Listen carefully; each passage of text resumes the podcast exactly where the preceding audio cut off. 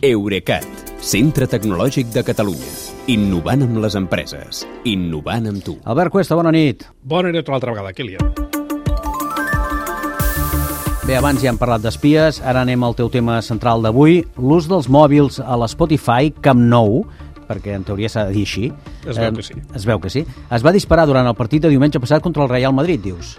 Sí, a, a, aviam, en aquest país nostre sempre hi ha hagut dos grans esdeveniments que han portat al límit la cobertura de mòbil a casa nostra per la gran concentració d'usuaris en un mateix lloc al mateix temps.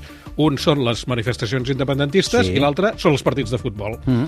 Ara, les primeres ja van, bastant, ja van força de baixa, però eh, l'ús del telèfon als estadis continua creixent i és en bona part perquè la capacitat de les xarxes ha millorat molt en els últims anys i una, i una cosa porta a l'altra.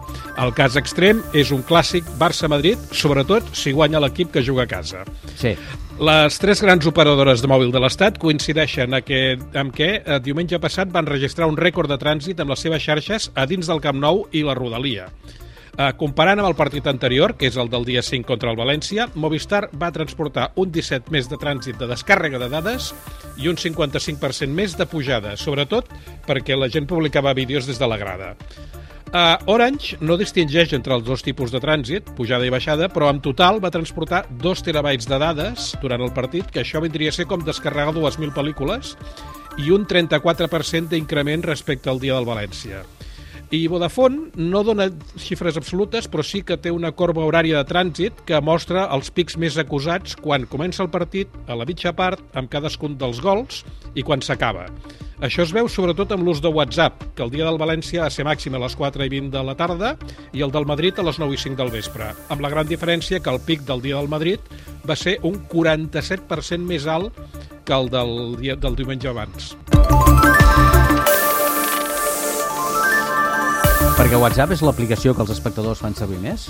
No, no, eh, ja, jo te'n parlava perquè és la que Vodafone m'ha donat minut a minut, però la més usada, amb molta diferència, és Instagram, que es dispara en els mateixos moments claus del partit que et deia abans. Per sota eh, hi ha WhatsApp, efectivament, i després ja vindria Twitter. Eh, mirant les dades també es veu que la 3G ja és gairebé residual. El 98% del trànsit de dades de Vodafone al Camp Nou va ser o amb 4G o amb 5G.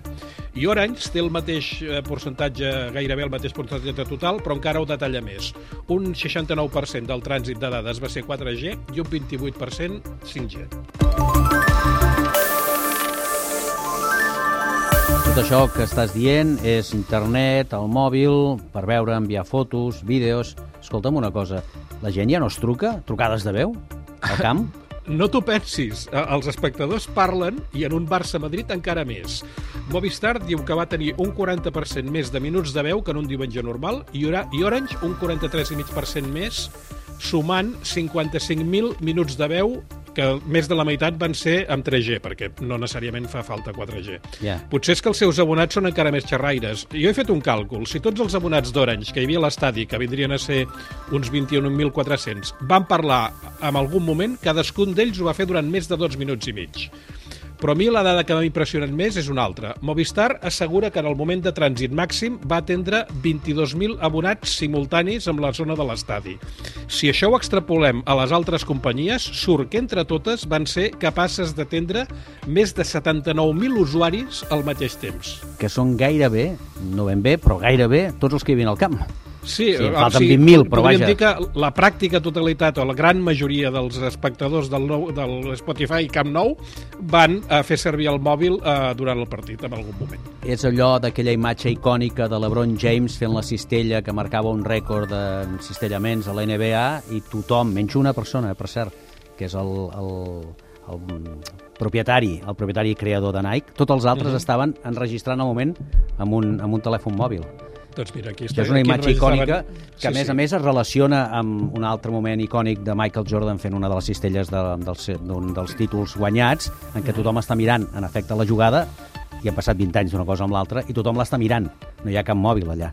En 20 anys com han canviat les coses, eh? Ara, mira, ara la gent mira les coses mitja, a, a través de la pantalla. A través de la pantalla, certament. I ja que hi són, que escoltin també la ràdio a través de la, de la pantalla. Va, eh, gràcies, Albert, que vagi bé, adeu. Sí. Bona nit, Kilian, fins demà.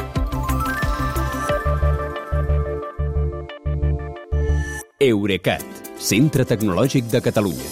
Innovant amb les empreses. Innovant amb tu.